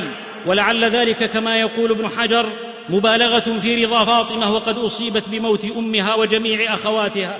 فكان ادخال الغيرة عليها مما يزيد حزنها فقالها كلمة مسجلة على ضمير لائق مشتمله إن بني هشام بن المغيرة استأذنوا في ان ينكحوا ابنتهم عليا فلا اذنوا ثم لا اذنوا ثم لا آذن إلا أن يريد ابن أبي طالب أن يطلق ابنتي وينكح ابنتهم إنما فاطمة بضعة مني يريبني ما رابها ويؤذيني. ما آذاها؟ إن فاطمة مضغة مني وإني أتخوف أن تفتن في دينها وإنها والله لا تجتمع بنت رسول الله مع بنت عدو الله عند رجل أبدا. حاله قرة العينين ذي أغلى من الشريان عندي سواد القلب فيه وتلك عندي كما بالعين يظهر من سوادي. وحال علي يا لعلي عذرا فقد يكبو الجواد بفارس إن الحروف من المهابة تهرب. اللفظ يعجز واللسان مجلبب. وحال فاطمة فديتك والدي يا خير والي لكم في القلب آثار بوادي. فمن وادي يطوف بكل روض ومن روض يطوف بكل وادي. وظهرت نصرته عليه الصلاة والسلام لبناته جلية في دفاعه عن زينب وانتقامه لها من رجلين روعاها يوم أن أخرجت من مكة قاصدة أباها. فبعث صلى الله عليه وسلم بعثا وقال لهم بأحرف كالنار إن وجدتم الرجلين فأحرقوهما بالنار. فلما هم البعث بالخروج قال في عودة للحق وعطف عليه بالبيان والنسق إني أمرتكم أن تحرقوا فلانا وفلانا وإن النار لا يعذب بها إلا الله فإن وجدتموهما فاقتلوهما. لآلئ قذف البحر الخضم بها كذلك الدر إذ يلقيه تيار. يبوح لهن بسره ولا يعطي الإنسان سره إلا من هو على ثقة به. حزن التقدم فالمؤخر غيرهن شتان بين مقدم ومؤخر. سار فاطمة أمام نسائه بأنه يقبض في وجعه ذاك فبكت. فلما رأى جزعها سارها بأنها أول من يتبعه وأنها سيدة نساء أهل الجنة فضحكت. ولما سئلت عما سارها قالت ما كنت لأفشي على رسول الله سره حروفها مثل ياقوت ومرجان طابت خلائقها لطيب المنبت فلم تخبر إلا بعد وفاته صلى الله عليه وسلم. والأرض إن سقيت بماء طيب لا غرو فيها أن يطيب غراس. جعل من بيوت بناته رياضا مونقه وحدائق مودقه فما حدث خلاف إلا قتله في مهده بأسلوب فريد منتقى يفعل في الألباب ما تفعل الطلا. فلست تسمع من لغو ولا صخب بل جرس ألفاظهم أحلى من الضرب. جاء يوما بيت فاطمة وقد وقع خلاف بينها وبين علي. ولئلا يتفاقم الخلاف خرج علي. فسألها عنه النبي فقالت كان بيني وبينه شيء فغاضبني وخرج ولم يقل عندي. ولم تصرح بما جرى حفظا لحق علي. فسأل أين هو فأخبر أنه في المسجد. فجاءه فوجده نائما وقد سقط رداؤه عن شقه وأصابه التراب. فجعل يمسح عنه التراب ويقول قم أبا تراب قم أبا تراب. زفها لطفا وحبا مثلما زفت الأنسام انفاس الخزامى فأثار معناها وجوهر لفظها شوقا غدا بين الأضالع ينطوي. فما لعلي كنية أحب إليه منها إن كان ليفرح إذا دعي بها وحاله. بربك روحني وغني بذكرها ودندن ورجع واشدلي لفظها شدوى. انتهت المشكلة على يد المصطفى ولم يعرف ما جرى. فقد ذهب الجفا وحل الصفا وذكر الجفا أيام ذكر الصفا. جفا من عالج الأدواء قبل تجذر شفيت ولم تحتج لشق المبضع ذاكم تعامله صلى الله عليه وسلم مع ولده. قد حاطهم بكريم العطف والحدب وحفهم بسياج من عنايته كما تحف جفون العين بالهدب. ومع تلك المعاملة لا محاباة في حدود الله ولا مجاملة. ويم الله لو أن فاطمة بنت محمد سرقت لقطعت يدها. تعطري يا نسمات الرياح بنفحة العدل إذا العدل فاح. لكل جسم شرايين يعيش بها وهديه الحق للإنسان شريان. صلى عليه ربنا ما عاش شيخ وصبي. كان صلى الله عليه وسلم أحسن الخلق تعاملا. تعامل كعرف ورد عبق هبت به ريح الصبا في الغسق أو كزلال وسط دن مطبق كأنه رضاب ذات الشوذق. تعامل مع أزواجه أمهات المؤمنين بأخلاق خاتم النبيين معلنا للعالمين خيركم خيركم لأهله وأنا خيركم لأهلي. سهل التعامل مخفوض الجناح متى؟ سألنه قال بالعينين والرأس. تشرب عائشة من إناء ثم تناوله الإناء فيضع فاه وهو يشرب على موضع فيها. وتتعرق العظم ثم تناوله إياه فيضع فاه على موضع فيها خلال ما رأيت أجل منها ولا أحلى ولا أشهى إلي. يناديها متلطفا بترخيم اسمها ومبشرا لها بالسلام يا عائش هذا جبريل يقرئك السلام وعليك وعلى جبريل السلام ترى ما لا نرى يا رسول الله تكثر الأسماء. لكن المسمى هو أنت. لك الثناء فإن يذكر سواك به يوما فكالرابع المعهود في البدل. سابقها مرة فسبقته ثم سابقها أخرى فسبقها وقال تطيبا لخاطرها وهو يضحك هذه بتلك. هذه بتلك فما رأت البرية مثل هذا ولا هذه بإجماع البرية. يضع ركبته لصفية لتركب من فوقها المطية. تناطح هامة الشعر وترقى مراق فوق ركبته قصية. إنه شمس عدل ومباسطة يشيع بذور الود في كل مهجة فتلك التي تهفو إليه سنابله. أهدي له قلادة ملمعة بالذهب ونساؤه مجتمعات عنده. وأمامة بنت زينب تلعب في جانب البيت بالتراب. فقال لهن كيف ترين هذه القلادة؟ قلنا ما رأينا أحسن منها قط ولا أعجب. قال والله لأضعنها في رقبة أحب أهل البيت الي قالت عائشة فأظلمت علي الأرض بيني وبينه خشية أن يضعها في رقبة غيري منهن واراهن أصابهن مثل الذي أصابني. فوجمنا جميعا وما كان رسول الله صلى الله عليه وسلم في عدله الذي لا نظير له ليجرح شعور الجميع لتفرح واحدة. أقبل بالقلادة حتى وضعها في رقبة الجارية أمامه. قالت عائشة فسري عنا جميعا. وزال الذي نخشى فحمدا لربنا واعشى بوادينا وقد كان اغبرا فأحمد منا الأنف والعين والحجا يضاهي شغاف القلب بل كان اثرا كذا كانت مباسطته ومزاحه تفصح عن سماحته وخلقه الذي وصفه الله به. فقسما والورى من دون رتبته ولم تزل تفضل الأرض السماوات. يدور على نسائه بعد العصر يتفقد ويحنو ويسأل ويضطجع أحيانا ويتكئ على الواحدة. ويستند لصدرها وهو يقرأ القرآن. أفعاله قد حسنت أقواله ما أحسن الأفعال والأقوال. ويشاور ويعمل بالمشورة. استشار زينب في حادثة الإفك بشأن عائشة. فقالت وهي التي تسامي عائشة مقالة ورع خالدة. كأنها النشر من أعطار دارين بين الأزاهر ضيعت والرياحين. أحمي سمعي وبصري. والله ما علمت إلا خيرا. وأشارت عليه أم سلمة يوم الحديبية بنحر هديه وحلق رأسه لما تأخر الصحابة في امتثال أمره فكان في مشورتها الخير للصحابة وله ما عذر أرض تربها من عنبر كان يثني على نسائه ويعدل إلا فيما لا يملكه من عواطف قد اعتذر فيها إلى ربه. كنت لك كأبي زرع لأم زرع لعائشة وزينب التي كانت تعمل وتتصدق من كسب يدها أطولهن يدا. عرفها طار إلى المستنشق هكذا السكر يهدى فذوقي. وفضل عائشة على النساء كفضل الثريد على سائر الطعام شدا بها من بعده الأحرار والعبيد واكله الكباث والهبيد برغم أنف الروافض اللئام الطغام الأقزام الرعاديد وكل ضربان وجعلان وابن أتان وبنات وردان وزنديق لئيم خسيس حقير دعي لقيط زنيم يحدى بمثل اخسأ يا ابن الخنا فأنت ذو نسب بارد يا خادم الخنزير والحارد صحح لنا والدة أولا وأنت في حل من الوالد فالطهر كالشمس لا تخفى على أحد ولا تضام إذا بالغيم تحتجب إنها ابنة أبي بكر وأمنا ولنا الفخر وقد قال فيها لفاطمة الرسول الكريم البر ألست تحبين ما أحب قالت بلى قال فأحبي هذه وأشار لعائشة. فحال فاطمة فوالله ما حلت عن حبها إلى أن أوسد في ملحدي. ومن تمام عنايته بأزواجه اهتمامه بهن بعد موته. تقول عائشة رضي الله عنها إن رسول الله صلى الله عليه وسلم أحنى علي فقال إن كن لأهم ما أترك وراء ظهري والله لا يعطف عليكن بعدي إلا الصابرون. ومع ما لهن من منزلة كان ينكر على من أخطأت منهن مهما بلغت في المنزلة. هو ظل فإن دجا وجه خطب عاد شمسا بضوئها يستنار.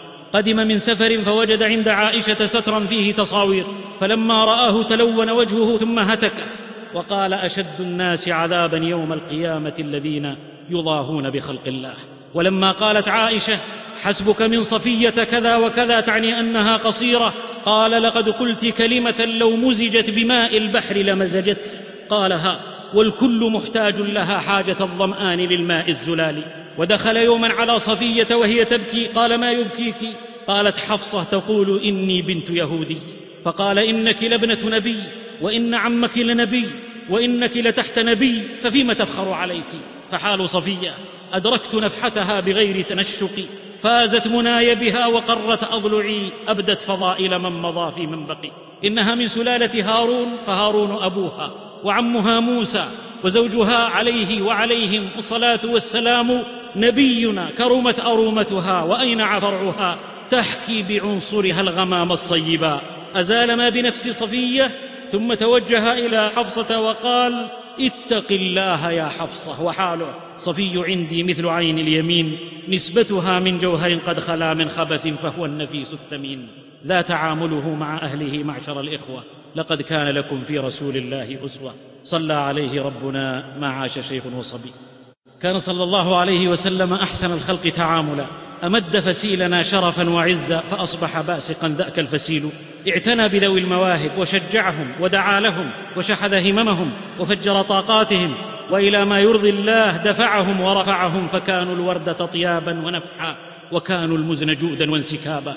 اندفعوا وانطلقوا يرسلون الضياء في كل أفق ويداوون كل سقم وداء. فاخضرت الأرض وازدانت مساربها وأصبحت تنبت الجادي مغانيها.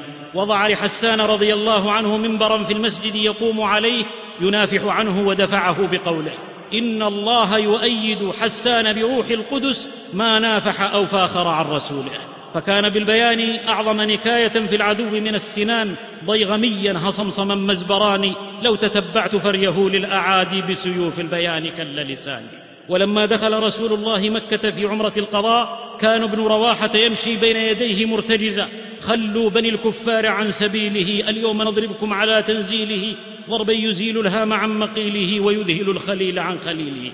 فقال عمر بين يدي رسول الله وفي حرم الله يا ابن رواحة فقال صلى الله عليه وسلم خل عنه يا عمر لهي أسرع فيهم من نضح النبل. عندها غدا ابن رواحة ببيانه كالفعل يعمل ظاهرا ومقدرا بطلا إذا نطق الحروف حسبتها عقبان جو عاضدت أسد الشرى وفي غزوة المريسيع قام رأس المنافقين بسب المهاجرين بوجه لا يهش إلى المعالي وينهق في النوادي كالحمير. فذهب زيد بن أرقم وأخبر رسول الله بالذي سمعه منه مع أن من في مثل سنه يصعب عليه الدخول في صراع مع ذلك البغل الذي ما زال له أنصار يقولون برأيه. ولكن عظيم النفس من يأبى الدنايا ولو نيطت بمهجته المنايا. أرسل النبي صلى الله عليه وسلم إلى ابن أبي ليسمع منه. فهذا كعادته وهذر وحلف الفاجر ما قال المقال. وصدقته للمكانة رجال وأكذب ما يكون إذا تألى وشددها بأيمان غلاظ. يقول زيد رضي الله عنه فوقع علي من الهم ما لم يقع على أحد وبين أنا أسير وقد خفقت برأسي من الهم إذ أتاني رسول الله فعرك أذني وضحك في وجهي والله ما يسرني أن لي بها الخلد في الدنيا. وأنزل الله لئن رجعنا إلى المدينة ليخرجن فأرسل النبي صلى الله عليه وسلم إلى زيد ثم قرأ عليه ما نزل وشجعه على غيرته. وقدرته على استيعاب ما سمعه بقوله إن الله قد صدقك. وشهد الله على المنافقين بالكذب المحض وأولاه اليقين. وصار زيد بعدها أرفع كأنه الصمصام اذ ينتظى وعامل الرمح إذا أشرع. ويثني عليه الصلاة والسلام على أهل البأس من المسلمين فيبذلون في سبيل الله أنفس ما يملكون. كأنما القوم ألفاظ لهن به رفع وخفض وتحريك وإسكان. يناول سعد بن أبي وقاص السهام وهو يقاتل بين يديه ويدفعه بقوله ارم فداك أبي وأمي. نفحها يسلب ألباب الرجال فجرى ما لم يكن يجري ببالي. إذا خرجت عن يديه السهام غدا كل عضو لها مقتله وفي يوم أحد كان أبو طلحة رضي الله عنه مترسا على رسول الله نحره دون نحره ويمر الرجل بجعبة النبل فيقول انثرها لأبي طلحة. فتحت تأثير تلك الكلمة أثخن في الكفار برميه فكسر قوسين أو ثلاثة وكان شديد النزع وأرعبهم بجهير صوته الذي زكاه المصطفى بعبارة تهتز دلالة وبلاغة لصوت أبي طلحة في الجيش أشد على المشركين من فئة. فلا كتب المحيط بها أحاطت ولا كتب البديع ولا المعاني ويدفع القراء بالثناء عليهم وعلى قراءتهم فيقول لأبي موسى لقد أوتيت مزمارا من مزامير آل داود. ولابن مسعود من أحب أن يقرأ القرآن غضا كما أنزل فليقرأه على قراءة ابن أم عبد. وبتلك الإشادة أينع الثمر فعبر بأنقى من ماء المطر قائلا كما في صحيح الأثر والله الذي لا إله غيره ما أنزلت سورة من كتاب الله إلا وأنا أعلم أين نزلت. ولا أنزلت آية إلا وأنا أعلم في من نزلت. ولو أعلم أحدا أعلم مني بكتاب الله تبلغه الإبل لركبت إليه. ففي ريحها ورد وفي طعمها شهد. يغني بها من لا يغني مغردا ويشدو بها بين المحافل. من يشدو معشر المربين ذا حداؤه للموهوبين. لآلئ في عقود المجد تنتظم. تقبل النجم في الجوزى وتستلم. إن توكيد نفعها مستحيل به البدل. والشواهد ماثلات فبتلك اللمسات ظهرت عبقريات وكفايات. تسند لها جلائل المهمات على حداثة سنها. والكفاية لا سن لها. عمر الرجال يقاس بالمجد الذي شادوه لا بتقادم الميلاد. ولى أسامة جيشا تخفق راياته على مثل أبي بكر وعمر وأهل بدر وعمره لم يجاوز الثامنة عشرة. وولى عتاب بن أسيد على مكة وهو في الحادية والعشرين. وولى معاذا على اليمن وهو دون العشرين. وخير الهدى هدى الأمين. صلى عليه ربنا ما عاش شيخ وصبي. وبعد إخوتي ماذا عسى أن أقول في شمائله الحسان؟ ولو استعرت لسان سحبان وملكت أزمة البيان فإذا جلت المعاني تسامت عن قيود الأفعال والأسماء يتأبى السيل الذي يصدع الأجبال أن يحتويه جوف إنائي إذا الله العزيز عليه أثنى بما جاء في المثاني ما ثنائي. مهما أقل فيه فإني عاجز عن حصر عشر العشر من تلك الحلى وحسبي أن أردد وإنك لعلى خلق عظيم وكفى. صلى عليه مسلما رب الورى ما لمع البرق على أم القرى وهتفت قمرية على الذرى. بهذا التعامل سجل أتباع محمد صلى الله عليه وسلم صفحات أنظر من الدر الأزهر والياقوت الأحمر تجود بوبلها الصافي المقطر كماء المذنب الأنقى واطهر إن أظلمت كانت شعاعا مجتلى أو أجدبت كانت ربيعا مغدقا تحلو على تردادها فكأنها سجع الحمام إذا تردد أطربا. هذا عمر رضي الله عنه ما تملى بيانه ذو بيان وذكاء إلا اعترته الحمية. لم يرضى أن تذكر له فضيلة والصديق في مجلسه. رأى رجل في منامه أن القيامة قامت وعمر قد فرع الناس وعلاهم بسطا وشرفا. فقيل بما علاهم؟ قيل بالخلافة والشهادة وأنه لا يخاف في الله لومة لائم فلما أصبح ذهب لعمر فوجد الصديق عنده. فقص عليه الرؤيا فانتهره عمر قائلا قم! أحلام نائم أحلام نائم. ولما توفي الصديق دعا الرجل وقال قص علي تلك الرؤيا.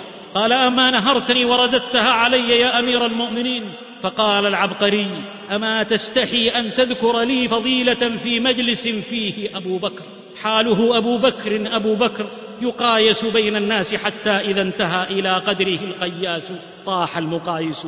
إنه نفسي وروحي والجوى. ليت شعري بعده ماذا أكون؟ ولا غرابة معشر الإخوة. إنما يكرم الكرام كريم والأبي الجواد يهوى الأبي.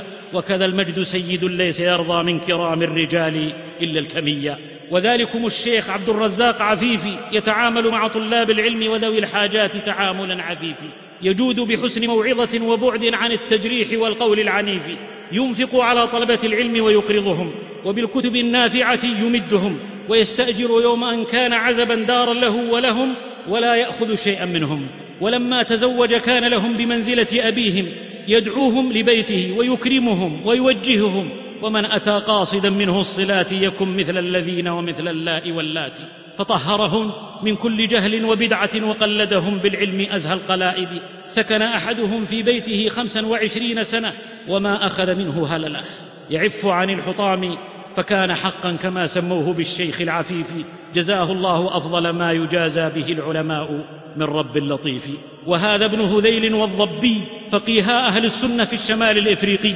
لما ادعى عبيد الرافضي الباطني الرسالة تعاملا معه بما يليق بزنديق مثله. أمر بإحضارهما فأحضرا وهو على كرسيه. وقد أوعز لأحد خدمه أن يسالهما عنه فقال خادمه مشيرا إليه أتشهدان أن هذا رسول الله يرغو بها مثل البعير الأجرب؟ فقالا بملء فيهما والله لو جاء والشمس عن يمينه والقمر عن يساره يقولان إنه رسول الله ما قلنا. فأمر بذبحهما فلما جردا للقتل قال للضبي أترجع عن مذهبك؟ قال اعن الإسلام أرجع لا لعمري. فبه استغنيت عن زيد وعمري وردا فمضمون النجاح المصدر بعنا النفوس والدماء وربنا قد اشترى وذبحا ولرحمة الله بإذنه مضيا لا يستوي من سار نحو مراده قدما ومن يمشي إليه القهقرى بذا تعامل الشيخ محمد الخضر حسين مع المنصب بلا مين. لما قلد مشيخة الأزهر احتفظ في جيبه باستقالة محررة وأعطى نسخة أخرى مدير مكتبه. وقال له إذا أحسست بضعف مني فقدمها نيابة عني. لا تلمني إنني من أمة تركب الهول ولا ترضى الدنايا. ولم يمض سوى زمن يسير حتى قدم استقالته احتجاجا على التدخل في شؤون الأزهر قائلا. إن الأزهر أمانة في عنقي أسلمها موفورة كاملة. ومطمح همتي في أن أراه يسامي في علاه الفرقدين ولما سأله أحد مقربيه عن ملابسات استقالته قال عن مشيخه الأزهر ما مضمونه يا بني إن كانت جنة فقد دخلتها وإن كانت نارا فقد خرجت منها والسلام. أنا لولا همة تحدو إلى خدمة الإسلام آثرت الحمام والجواد الكريم يبقى جوادا نابض الحس في إباء سني. لا يعير الحمار أي التفات عند قلب الزمان ظهر المجن. فهو صدر أينما كان وإن جلس الأذناب في صدر الندي. ومن قبل تعامل قاضي البصرة سوار العنبري بما يليق بالعالم الرباني والقاضي الأمين القوي. كتب له المنصور أيها القاضي انظر الأرض التي فيها خصومة بين القائد فلان والتاجر فلان فادفعها للقائد. فكتب القاضي البينة قامت على أنها للتاجر ولن أخرجها منه إلا ببينة. فكتب له المنصور والله الذي لا إله إلا هو لتدفعنها له. فكتب القاضي والله الذي لا إله إلا هو لا أخرجها منه إلا ببينة. كأنما كان إعصارا أطاح بهم أو صيحة فوقهم من هولها وجموا. والحق جبار يبر صاحبه ويكفر من جار. ثم كيد القاضي وشكي إلى المنصور أخرى وأثني عليه عنده شرا. فطلب المنصور قدومه فقدم عليه. وبيناه هو في المجلس عطس المنصور فلم يشمته. فقال ما يمنعك من أن تشمتني؟ قال لأنك لم تحمد الله. قال قد حمدت في نفسي. قال فقد شمتك في نفسي. فقال المنصور ارجع لعملك إذا لم تحابني لم تحاب غيري. فمضى وحاله لو حدا. إنا بني الإسلام شم الأنوف لسنا نحابي رهبة من حتوف مهما توالت مظلمات الصروف. آثارهم يا إخوتي كالشنوف حلا وفي تأثيرها كالسيوف. هم الخصب للبلدان إن أخلف الحياء ولا يخلف البلدان عن خصبهم خصب. متى يمموا للشرق يزدد شروقه وإن يمموا للغرب فالمشرق الغرب. لقد صيروا نفل المكارم واجبا عليهم فلا استحباب فيها. ولا ندب فعاشوا سادة في كل أرض وعشنا في مواطننا عبيدا. فيمم هديهم تظفر برشد فليس يضل من قصد الهلال. أيها الجيل أيام عزك مشرقات كالضحى وعهود مجدك أنجم تتوقد. قد كنت بالقرآن صرحا شامخا وقولها فوق الثريا مقعد. فبنيت بالأخلاق ما لم يبنه بان ولم يك بالحروب يشيد. خدنا المعالي حان حان الموعد اليوم يومك ليس بعد ولا غد. نادى المؤذن فانفضا عنك الكرى واستقبلا فجرا جديدا يولد. لن يسعد الأجيال من أعمالكم إلا سلوك ليس فيه تمرد. أيها الجيل ينبوع زمزم باق في تفجره ما غار من أثر الأهوال والغير. ظل من حوله الينابيع تجري صافيات وهمه الأوحال. أيها الجيل لا يهولنك عارض ارتفاع التبن وانخفاض التبر فالعاقبة للمعدن الحر. والحر كالدر في الأعماق مكمنه والتبن يطفو شبيها بالنفايات. قيل للحق أين كنت يوم على الباطل؟ قال كنت تحته أجتث جذورا كذا زبد البحور تراه يعلو وفي القعر اليواقيت الحسان. أيها الجيل العلم العلم العلم نور والجهالة حلك ومن يسر في ظلمة الجهل هلك. ليستحضر كل منكم قريبه وكأنه يناجيه بمثل ما كتب بديع الزمان لابن أخته. يحثه على العلم ويهدده إن رغب عنه. يقول أنت ولدي ما دمت والعلم شانك والمدرسة مكانك والقلم أليفك والدفتر حليفك فإن قصرت وما اخالك فغيري خالك. العلم روح والروح إن فقدت ما تنفع الصور. موقوفة عودة العز القديم على أن يعمل المرء بالآثار والسور. أيها الجيل جميعا ولا تفرقوا. إذا افترقت أهواء قوم تشتتوا ولم يرجعوا إلا بعار التخاذل. أيها الجيل لا تابها بالجاهل المتعالم وتشبثا بالحق إن حباله طولى ومرساها هداية عاصم. فليعلمن بلعام أن ثغاءه مهما ثغى سيعود احرف راقم إلزم طريق الهدى وإن قل السالكون واحذر طريق الضلالة ولا تغتر بكثرة المفتونين. ما أكثر الناس ولو حرصت بمؤمنين. لست وحدك في الطريق أنت في طريق سلكه الأنبياء والصالحون. فاثبت عليه لتسعد بصحبتهم في عليين. واستمر في مقاومة الباطل مستعينا برب العالمين. ثبت أساسك لا تترك به خللا البيت يسقط إن لم تثبت الطنب. وإذا الفتنة شالت بالذنب أسمع عمن كان في هذا خبب. ان ماء البحر غير النهر. ليس للعلقم في أفواهنا نكهة الشهد وبرد الكوثر. لن تحجب الشمس بالغربال فانزجروا يا من تريدون دس السم في الدسم. كم رام شرعتنا من قبل ذو صلف. ما كان يفرق بين الصقر والرخم. وعاد بالخزي مصفوعا على الصمم. فهذا الحق ليس به خفاء فدعني من بنيات الطريق. أيها الجيل إذا صرصر البازي فلا ديك يصرخ ولا فاخت في أيكه يترنم. يحكى أن ديكا صحب كلبا يوما ما فلما جن عليهم الليل عند شجرة صعد الديك ليبيت في أعلاها وبات الكلب عند جذعها.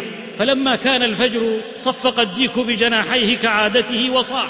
فسمعه الثعلب فأقبل سريعا فراى الديك فوق الشجرة. فقام يهذي برقيه العقرب أن انزل لنصلي جماعة وهو إلى السحر أقرب. قال الديك نعم وإلى أن أنزل نبه الإمام ها هو ذا خلف جذع الشجرة. فنظر الثعلب فإذا كلب كاسر فولى كأمس الدابر أجبن من صافر وأوثب من طامر بن طامر. فقال الديك ارجع لا يفوتنك أجر الصلاة في جماعة. قال لقد انتقض وضوئي وسأذهب لأتوضأ. وعاد من حيث بدا فقهقه الديك وحدا. تعدو الثعالي على من لا كلاب له وتتقي صولة المستأسد الضار لا يفهم العالم غير القوة كثرت لغات العالمين وهذه أوفى بيانا في اللسان وفي الفم. ها هم أعداء الله يحاصرون في غزة إخواننا ويعيثون بقدسنا ومن مكن لهم فيها يرون أن أسر جندي صهيوني في ميدان المعركة جريمة حرب. ولا يرون في قتل آلاف المدنيين واستخدام الفسفور لإبادتهم جريمة تذكر. إنهم عمي عن الإنصاف صم. أفينتظر حل أو عون منهم؟ وطالب العون منهم عند شدته كطالب الثلج من إبليس في سقر. إنه عالم شاذ فاسد الذوق يولول ويصيح ويتظاهر بالرحمة والشفقة لموت كلب أو كلبه ولا يأبه لملايين تموت بسلاحه. ولا غرابة فكل جنس يرحم أبناء جنسه. ولكن ومن هان يوما على نفسه يكون على غيره أهونا. عدونا لا يؤمن إلا بالقوة وأمتنا في مجموعها قوة والاجتماع على التمسك بعرى الدين رأس القوة والدين يدعو لادخار القوة وأعدوا لهم ما استطعتم من قوة. كل مشكلة بين الذئب والخروف لن يكون حلها إلا من لحم الخروف. وإذا عرف الذئب وجب أن نعد له العصا والحرية والحقوق لا تستجدى. وما أخذ اغتصابا لن يعود إلا غلابا وما عدا ذاك لا يزيدنا إلا وهنا. ليس إلا الجهاد طبا لصهيون فطغيانهم تمادى وزاد أفلس المنطق السليم مع القوم وبات الكلام لغوا معادا. وإذا لم يكن من الحرب بد فمن الحزم أن نعد العتادا. ومن لم يكن أسدا في العرين تداعت ضباع على أكله. أيها الجيل هات يا شم فعالا كالجمان نحن توق للأفاعيل الحسان العمل للدين مسؤولية جميع الموحدين. ليس في ميدان الصراع مع الأعداء مقاعد للمتفرجين. كل عليه أن يبذل الطاقة ويعقل الناقة من الحراب إلى المحراب. ذو القلم بقلمه وحاله لا خير في الأقلام إن أضحت حليا كالأساور. ولي قلم في أنملي إن هززته فما ضرني ألا أهز المهندا وذو اللسان بلسانه وإن عجز فبسنانه فإن لا أكن فيكم خطيبا فإنني بسيفي إذا جد الوغى لخطيب وذو المال بماله وحاله إن لم أجر بها الخميس فطالما. جهزت فيها بالنوال خميسا. ترك الإنفاق في سبيل الله سماه الله تهلكه أنفقوا في سبيل الله ولا تلقوا بأيديكم إلى التهلكه وما بالتمني تنال المنى ولا بالترجي تنال العلا. من يطلب العز لا يبخل بموجود بل يقطع البيد بعد البيد للبيد. أيها الجيل. النصر بالدين والمبادئ والطاعة لله رب العالمين. ما نقاتل الناس بعدد ولا عدة وإنما نقاتلهم بهذا الدين. لما قيل لنور الدين الشهيد لا تخاطر بنفسك إن قتلت ذهب الدين. قال هذه إساءة أدب مع الله من حفظ الدين قبل نور الدين؟ هو الدين مهما طغى باطل له النصر يوم النزال الأخير. أيها الجيل قبحا لمن نبذ الكتاب وراءه وإذا استدل يقول قال الأخطل. ديننا الوضاء ثارت حوله غبرة من شبهات المبطلين من يد ترميه في رأد الضحى ويد ترميه من خلف الدجون. الغارات شعواء شبهات وأهواء ما لها إلا العلماء. يا أيها العظماء يا علماءنا رصدا لحركة الثائرين على الدين وصرعا لباطلهم بالحق المبين. في حبل الوتين هزوا القرى من كهفها ورقيمها أنتم لعمر الله أعصاب القرى. أي ملاح السفينة في العواصف العاتية. العاصف عارض والسلامة أصل والأصل لا يعتد بالعارض. أنتم ربانها والناس في ليل جهل وضلال ومجون. فإن غاب ملاح السفينة وارتمت بها الريح يوما دبرتها الضفادع. ومن بات ضيفا بالضفادع نازلا فإكرامه منهن بالطين أو بالماء. أيها الجيل من خان أول منعم عليه لن يفي للأصحاب. ضارع الأبرار بعمل التواب الأواب. فالفعل لمضارعته الاسم فاز بالإعراب. واصبر نفسك مع الذين يدعون ربهم بالغداة والعشي. وانظر لنفسك من تصاحب يا أبي. ليس الصحيح دواؤه كالأجرب. الصحبة رق فلتكن لذي خلق ودين وصدق. وإياك أن تكون لعصبة النزق والحمق. فإنها بحق زمرة الشيطان سبط الخنزب. بها من كان داعيا أصبح شيخ الطرب. كذلك الأصحاب إما ريح عود طيب. وقد يكون الصحب سما مثل سم العقرب. تجنبوا أصحاب سوء واسمعوا نصح النبي. صلى عليه ربنا ما عاش شيخ الوصبي أيها الجيل رب نشأ اليوم تبعثه غدا إن لليل وإن طال لفجرا. محفل الأجيال محتاج لصوتك فبالوحي أشعل طورك ونادي مسمعا كما نادى إقبال قبلك. أين يا رباه في الدنيا النديم؟ نخل سيناء أنا أين الكليم؟ أنت الطهور على الأدران فاندفقي أشرق ومزق ظلام الليل. واتلقي وكن بلبلا لا يعاف النشيد اذا ما ظمئت واما استقيت ابن عما بصدرك لا تدعه غناء أو انينا أو عويلا وحذار من تحول نغمتك إلى هدم فتكون دعيا فشتان بين بكاء ثكلى ونائحة مستأجرة عقرا وإن كان هذا الدمع يجري صبابة على غير ليلى فهو دمع مضيع أيها الجيل من سمع بالدجال فلينأ عنه احذر الهوى وأهله في موقع أو قناة أو كتاب أو صحيفة فالشبه خطافة والقلوب ضعيفة. أغمض عما سطروه عينيك وضم عن مواقعهم يديك وأصمم عن سماع أقوالهم أذنيك لئلا يغمسوك في ضلالهم فيهلكوك. إن السلامة من سلمى وجارتها ألا تمر بواديها على حال أمة الله يا ربه الخدر صان الله عفتها لا تسمعي لدعاة الشر أختاه. لا تخدعنك غربان وإن نعقت بين الزهور فصوت الشر مفضوح. إن الحملة على العفاف والفضيلة شعواء والحرب ضروس عمياء. من مطايا العدو وأيديه الطائش في إشاعة الفحشاء قاتلهم الله. أغيظيهم بالاستمساك بوحي الله. وقولي لهم بملء الفم لا والله إني لشم على الأنذار لو جعلوا رضوى لأنفي خشاشا. لم يقودوني مبادئي لا أتلقاها. من منتدى خداج ولو سمي تدليسا باسم تاج الفضيلة والسياج. وبربر فيه لتقويض الحياء كل مستعار ذي ثؤاج فدون مرامهم حز الوداج. مبادئي من معين عذب ثجاج. يقول لا يفتننكم الشيطان كما أخرج أبويكم. من الجنة ينزع عنهما لباسهما. فاسألوهن من وراء حجاب. وقل للمؤمنات يغضضن ويحفظن ولا يضربن. يدنين فلا تخضعن وقلن وقرن ولا تبرجن واطعن الله. هذا كتاب الله. نموت على مبادئه ونحيا على خطواته متمسكين. أعلني يا بنت خديجة وفاطمة وعائشة إن كانت الحقوق والحرية التي ينادى بها أن أكون كالغربية فتعسا لها من حرية وللمنادي بها. من شقي وشقية. إن كانت فرص العمل ميدانا للاختلاط بالرجال وهدفا لخائنة الأعين والألسن إيذاء وتحرشا فالموت جوعا أشرف من عرض يمس من أجل المال. لا بارك الله بعد العرض في المال. حينها سيرجع كل دعي حقير يجرجر أذياله الصاغرة ويخسأ كل أجير وضيع ويصعق كل عميل ذنب. والله يريد أن يتوب عليكم ويريد الذين يتبعون الشهوات أن تميلوا ميلا عظيما. ويا ولي أمر الفتى والفتاة كل مولود يولد على الفطرة فأبواه. فطفل الفارسي له ولاة بأفعال التمجس دربوه وينشأ ناشئ الفتيان فينا على ما كان عوده أبوه.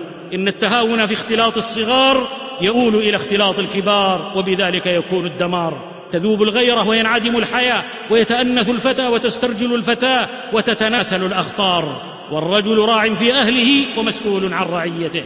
وخيس الليث محذور الولاج. لا يدخل الغربان وكر الهيثم. فإن خنعت حماة الوكر أضحت نساء الحي تحلف بالطلاق. أيها الجيل من يزرع الريح يحصد الزوبعه مهما استطال بجنده العادي الظلوم مآله لهزيمة ومذلة. العدل ينصر أهله والبغي يصرع خذنه. والله يملي للظالم حتى إذا أخذه لم يفلت. قل لمن يأبى إلى الحق استماعا. هكذا يقتلع البغي اقتلاعا هكذا ينتفض المظلوم حتى يرحل الظالم أو يبدي انصياعا ليت من يسرف في الغفوة يصحو ليرى صرح الهوى كيف تداعى وتونس فانظرا تزدد يقينا فما الخبر المعنعن كالعيان؟ أيها الجيل عبر فيما نرى أو نسمع. إنها فأس هوت في غابة حولها أعناق دوح خضع. الأسى ساورهم والفزع ولسان الحال حان المصرع. فأجابت دوحة لا تفزع لا يرو عنا الحديد الصلب في أرضنا ينحط أو يرتفع فهو ما لم يلق من أعوادنا عضدا يسعده لا يقطع. قلت مرحى حكمة لو ساغها خائن أوطانهم لارتدعوا المنافقون خنجر في الظهر لا يوسد لهم أمر ولا يؤتمنون على سر من ائتمنهم فقد خان وخالف صريح الكتاب والأثر. يا أيها الذين آمنوا لا تتخذوا بطانة من دونكم لا يألونكم خبالا ودوا ما عنتم. قد بدت البغضاء من أفواههم وما تخفي صدورهم أكبر. فاحذرهم فأعمالهم دلت على أنهم حمر. فإصلاحهم هدم وتثقيفهم عمى. طهارتهم رجس ومنطقهم هجر. فلو قيس إبليس بهم وهو شيخهم لكان لهم شران وهو له شر. أيها الجيل دع ذكر عنترة العبس وعبلته وذكر قيس وما لاقى وليلاه. واطلب رضا الله فيما أنت فاعله. من يطلبا ذاك فالجنات مأواه. على أرض فلسطين الحبيبة رأى أحد الدعاة في القرن الماضي فتى يحمل بندقية وروح الجهاد بادية على قسماته الأبية فقال ما اسمك؟ فأجاب قيس فقال مداعبا له فأين ليلاك؟ قال ليلاي في الجنة هواها في الفؤاد هوى أصيل وكل هوى سواها مستعار. فكن قيس الهدى تظفر بليلى متى تظفر ستنسى كل خود مخدرة مفلجة الثنايا. رداح بضة حور عروب بقوس لحاظها شهد المنايا. ليس قيسا كل من لم يحترق في حب ليلى. أخيرا يا أيها الجيل تلكم شذرات جياد من تعامل خير العباد.